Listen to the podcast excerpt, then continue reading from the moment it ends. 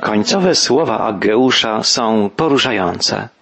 Prorok ożywia nadzieje mesjańskie, przypomina ludowi judzkiemu, który podjął trud odbudowy Jerozolimy, obietnicę przyjścia Wybawiciela z królewskiej linii Dawida. Wygłaszając ostatnią mowę, Ageusz, tak jak na początku, podaje dokładną datę swego wystąpienia. Od dwudziestego wiersza drugiego końcowego rozdziału Księgi Ageusza czytamy. Po raz drugi Pan skierował te słowa do Ageusza dnia dwudziestego czwartego tego miesiąca. Wiemy z wcześniejszej wypowiedzi Ageusza, że chodzi o miesiąc grudzień 520 roku przed naszą erą. Pierwsze wystąpienie proroka miało miejsce we wrześniu, a ostatnie w grudniu tego samego roku. A więc cała treść księgi Ageusza to w sumie cztery mowy wygłoszone na przestrzeni czterech miesięcy, od września do grudnia 520 roku przed Chrystusem. Bóg powołał swego sługę, by dodał otuchy wygnańcom izraelskim, którzy powrócili do zburzonej Jerozolimy z niewoli babilońskiej. Przypomnijmy, że ówczesnym światem rządziło potężne imperium medoperskie, którego władcą był za dni Ageusza perski król Dariusz I. Jego poprzednik Cyrus wydał dekret zezwalający Żydom na powrót do ojczyzny. W Jerozolimie około pięćdziesięciotysięczna grupa repatriantów żydowskich pod przywództwem Zorobabela, który pełnił funkcję namiestnika Judy, odbudowywała świątynię jerozolimską. Był rok 520 przed Chrystusem, a więc do przyjścia Mesjasza miało upłynąć jeszcze ponad pięć stuleci. Prorok Ageusz spogląda jednak jeszcze dalej. Wygląda ku czasom eschatologicznym, mesjańskim. Z naszej perspektywy jest to nadal czas przyszły, czas, w którym ma nadejść Mesjasz, Chrystus, w pełni mocy i chwały. Jest to, jak wierzymy, ufając niezawodnym zapowiedziom proroków, apostołów i samego Jezusa, czas Jego drugiego przyjścia. Nastąpi u kresu dziejów ludzkości, u kresu historii świata. Nadejście Pana poprzedzi czas wielkiego ucisku, który przyniesie wiele cierpień, przemocy, wojen, ale ostatecznie przyniesie triumf Bożego obozu nad siłami zła. Mesjasz pokona szatana i ustanowi swoje rządy nad narodami.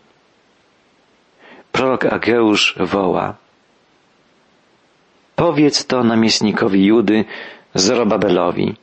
Ja poruszę niebiosa i ziemię. Przewrócę trony królestw. Pokruszę potęgę władczych narodów. Przewrócę rydwan i jego woźnicę. Padną konie i ich jeźdźcy. Każdy polegnie od miecza swego brata. Ten obraz wskazuje jednoznacznie na ostateczne zwycięstwo Pana nad bezbożnymi. Bóg poruszy niebo i ziemię, pokruszy potęgę władców, przewróci trony królestw i ustanowi swoje tysiącletnie królestwo.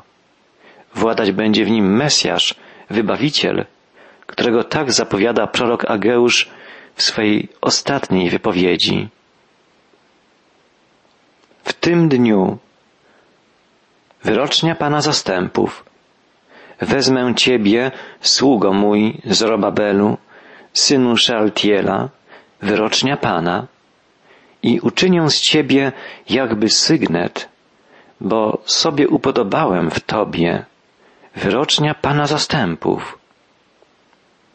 Zorobabel wywodził się z królewskiej linii Dawida, był więc jednym z przodków Mesjasza. Jego imię znajdujemy w rodowodzie Jezusa, zamieszczonym na samym początku Nowego Testamentu, w pierwszym rozdziale Ewangelii Mateusza. Niezwykle interesujące jest to, że również ewangelista Łukasz podaje imię Zorobabela jako przodka Jezusa, mimo że genealogia zamieszczona w Ewangelii Łukasza różni się od tej z Ewangelii Mateusza. Jest tak dlatego, że Mateusz i Łukasz podają linie rodowe Marii i Józefa. Mateusz podaje genealogię Józefa. Dzięki temu zaświadcza, że Jezus miał tytuł prawny, godność królewską, mesjańską. Natomiast Łukasz podaje genealogię Marii. Dzięki temu jest potwierdzone to, że Jezus z urodzenia jako człowiek był potomkiem Dawida, że wywodził się z linii rodowej królewskiej, mesjańskiej, zgodnie z zapowiedziami wielu proroków. Imię Zorobabela występuje w obu genealogiach. Linia rodowa zarówno Marii, jak i Józefa biegła poprzez Zorobabela, podobnie jak obie te linie biegły poprzez Dawida. Jezusa można by nazwać więc synem Zorobabela, podobnie jak zwie się go synem Dawida. Zorobabel był jednym z przodków Mesjasza. Był namiestnikiem Judy, przywódcą budowniczych Nowej Jerozolimy. Był jedną z tych postaci Starego Testamentu, które zapowiadały nadejście Mesjasza. Ageusz prorokuje w imieniu Pana Uczynię z Ciebie jakby sygnet, bo upodobałem sobie w Tobie. Te słowa odnoszą się bardziej do przyszłego Mesjasza niż do Zorobabela, który jedynie zapowiadał nadejście Chrystusa, był jednym z jego przodków. Sygnet noszony był na palcu lub na szyi, przeważnie się z nim nie rozstawano. Jest to więc symbol bliskości, więzi z Bogiem. Mesjasz będzie związany z Bogiem najbliższą, najmocniejszą z więzi, jako syn z Ojcem. Chrystus podkreślał wiele razy, ja i Ojciec jedno jesteśmy. Przyszedłem, żeby wypełniać wolę Ojca. Nie czynię nic, czego nie widziałem u Ojca. Sygnet to symbol bliskości, więzi z Bogiem Ojcem. Sygnet był też symbolem władzy królewskiej. Pieczętowano nim pisma, listy, dekrety, rozkazy królewskie i wtedy miały moc prawną, musiały być przestrzegane, musiały być wypełnione co do słowa. Tak stanie się w chwili ostatecznego zwycięstwa Jezusa, kiedy jako król królów zasiądzie na tronie świata i przypieczętuje swoje dzieło zbawienia osądzeniem tych, którzy się mu sprzeciwili, którzy go odrzucili. On złamie ich bunt, pokruszy potęgę władców, przewróci trony królestw, jak woła prorok Ageusz, i ustanowi jedno swoje królestwo, królestwo sprawiedliwości, królestwo pokoju. Podkreślałem już nieraz, że różne są poglądy na temat tysiącletniego królestwa. Wydaje się jednak, że przebieg wydarzeń w czasach ostatecznych będzie następujący. Chrystus pochwyci najpierw swój Kościół, czyli lud odkupionych, zbawionych przez siebie wszystkich tych, którzy mu zaufali, lud Nowego Przymierza. Potem dla pozostałej na ziemi ogromnej większości nastanie czas wielkiego ucisku, który będzie trwał aż do przyjścia Chrystusa, Mesjasza. Pojawi się on w Jerozolimie i stamtąd rozpocznie swe sprawiedliwe rządy. Ustanowi tysiącletnie królestwo. Przedtem, pod koniec okresu wielkiego ucisku, Mesjasz rozprawi się z wszystkimi swoimi nieprzyjaciółmi. Przebieg wydarzeń czasów końca będzie zupełnie inny niż to, jak sobie wyobraża przyszłość współczesny człowiek. Ludzkość stale żywi wiarę, że uda się jej osiągnąć dobrobyt, pokój o własnych siłach, że wynalazki nauki i techniki, osiągnięcia informatyki, biochemii, medycyny doprowadzą do wydłużenia życia człowieka i zapewnią mu komfort i bezpieczeństwo. Nie można negować osiągnięć współczesnej nauki, ale trzeba zauważyć, że dobrodziejstwa wypływające z coraz większej wiedzy i możliwości naukowo-technicznych poprawiają poziom życia jedynie wąskiej grupy ludzi zamożnych. Natomiast ogromna większość ludności, szczególnie w krajach tak zwanego trzeciego świata, cierpi z powodu niedostatku, biedy, często nędzy i głodu. Panuje wielka nierówność. Pogłębia się przepaść pomiędzy sytymi, bogatymi, a biednymi, głodującymi. Nie ma tak naprawdę recepty na zmianę tej niesprawiedliwej, rodzącej wiele napięć sytuacji. Trudno więc mówić o tym, że ludzkość jako całość zmierza do dobrobytu, że współczesnemu człowiekowi uda się zaprowadzić na świecie sprawiedliwy ład, trwały pokój. Doświadczenie wskazuje, że z powodu egoizmu, nacjonalizmu i materializmu człowiek nie jest w stanie przezwyciężyć piętrzących się trudności, negatywnych zjawisk w sferze ekonomii, polityki, a także kryzysu moralności, upadku wszelkich autorytetów, wzrostu przestępczości, przemocy, degradacji kulturowej i duchowej, której symptomami są niepokój i bezideowość, wyrażane przez współczesnych twórców oraz powstawanie wielu sekt religijnych i zwracanie się ku wróżbom, astrologom, horoskopom, spirytyzmowi. To wszystko wskazuje na to, że ludzkość nie jest w stanie urządzić sobie na Ziemi świata bezpiecznego, stabilnego. Wręcz przeciwnie, zmierza nieuchronnie ku katastrofie, ku wielkiemu globalnemu konfliktowi. I takie są właśnie zapowiedzi biblijnych proroków. Woła tak nie tylko Ageusz, ale wielu jego poprzedników. Mówiliśmy już o tym wielokrotnie. Człowiek, który oddalił się od Boga i nie szuka u Niego pomocy, jest skazany na rozczarowanie, na konflikty, napięcia.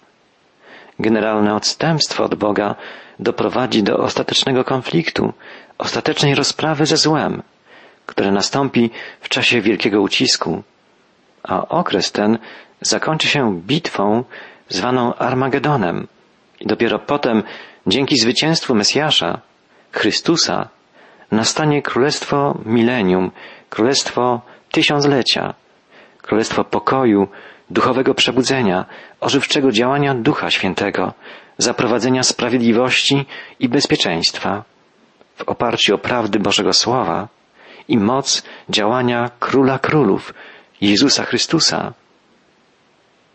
Czas wielkiego ucisku, czas sądu nad wszelkim bezprawiem, wszelkim złem będzie nacechowany dramatycznymi wydarzeniami, nieporównywalnymi z żadnymi dotychczasowymi doświadczeniami. Będzie to czas globalnego, końcowego sądu nad narodami, czas rozprawy z grzechem całej ludzkości. Dlatego towarzyszyć mu będą dramatyczne, bolesne doświadczenia, przewyższające wszelkie dotychczasowe cierpienie. Mówili o tym prorocy, mówili o tym apostołowie, mówił o tym także Pan Jezus kiedy odwoływał się do proroctw Starego Testamentu, potwierdził grozę tego czasu, a znajdujemy to potwierdzenie także w księdze Apokalipsy, gdzie czytamy o pieczęciach, trąbach, czaszach i plagach. Czy wierzymy w to, czy nie? Świat, w którym żyjemy, zmierza ku chwili, w której zostanie poddany Bożemu sądowi. Zamiast dobrobytu, komfortu, dostatku, który marzy się grzesznej ludzkości, spotka ją sprawiedliwy sąd żywego Boga. Gdy rozglądniemy się wokół siebie i zobaczymy, w jakim stanie znajduje się kultura, moralność, obyczajowość, codzienność współczesnego społeczeństwa, upewnimy się w przekonaniu, że w sposób nieunikniony przybliża się sąd naszego wszechmogącego Pana nad grzeszną ludzkością. Po okresie wielkiego ucisku, po wszystkich zmaganiach i sztormach życia, lud Boży znajdzie się w tysiącletnim królestwie i będzie chwalił i wielbił swego Pana. Zapowiedział to prorok Ageusz, zapowiadali to inni prorocy Starego Testamentu, w tym wielki książę proroków Izajasz. Prorok Izajasz wyśpiewał całą pieśń, piękną pieśń, hymn uwielbienia, płynący z ust serc uwolnionych od niewoli grzechu. Pieśń wdzięczności względem Stwórcy i Zbawiciela. Przekleństwo grzechu zostanie zdjęte z całego stworzenia. Sprawiedliwy król wyruguje wszelkie zło, zaprowadzi sprawiedliwe rządy, które przyniosą wolność, przywrócą harmonię, zagwarantują trwały pokój. Zaglądnijmy do tej wspaniałej pieśni zapisanej w dwunastym rozdziale Księgi Zajasza. Czytamy tam, powiesz w owym dniu, dziękuję Ci, Panie, gdyż gniewałeś się wprawdzie na mnie, lecz Twój gniew ustał i pocieszyłeś mnie. Bóg gniewał się na swój lud, karał go jak nieposłusznego syna, ale na koniec okaże mu swoją łaskę. To proroctwo wypełni się, gdy przyjdzie na ziemię Mesjasz. Przeminie noc wielkiego ucisku, rozbłyśnie światło zbawienia, zapanuje pokój i radość tysiącletniego królestwa.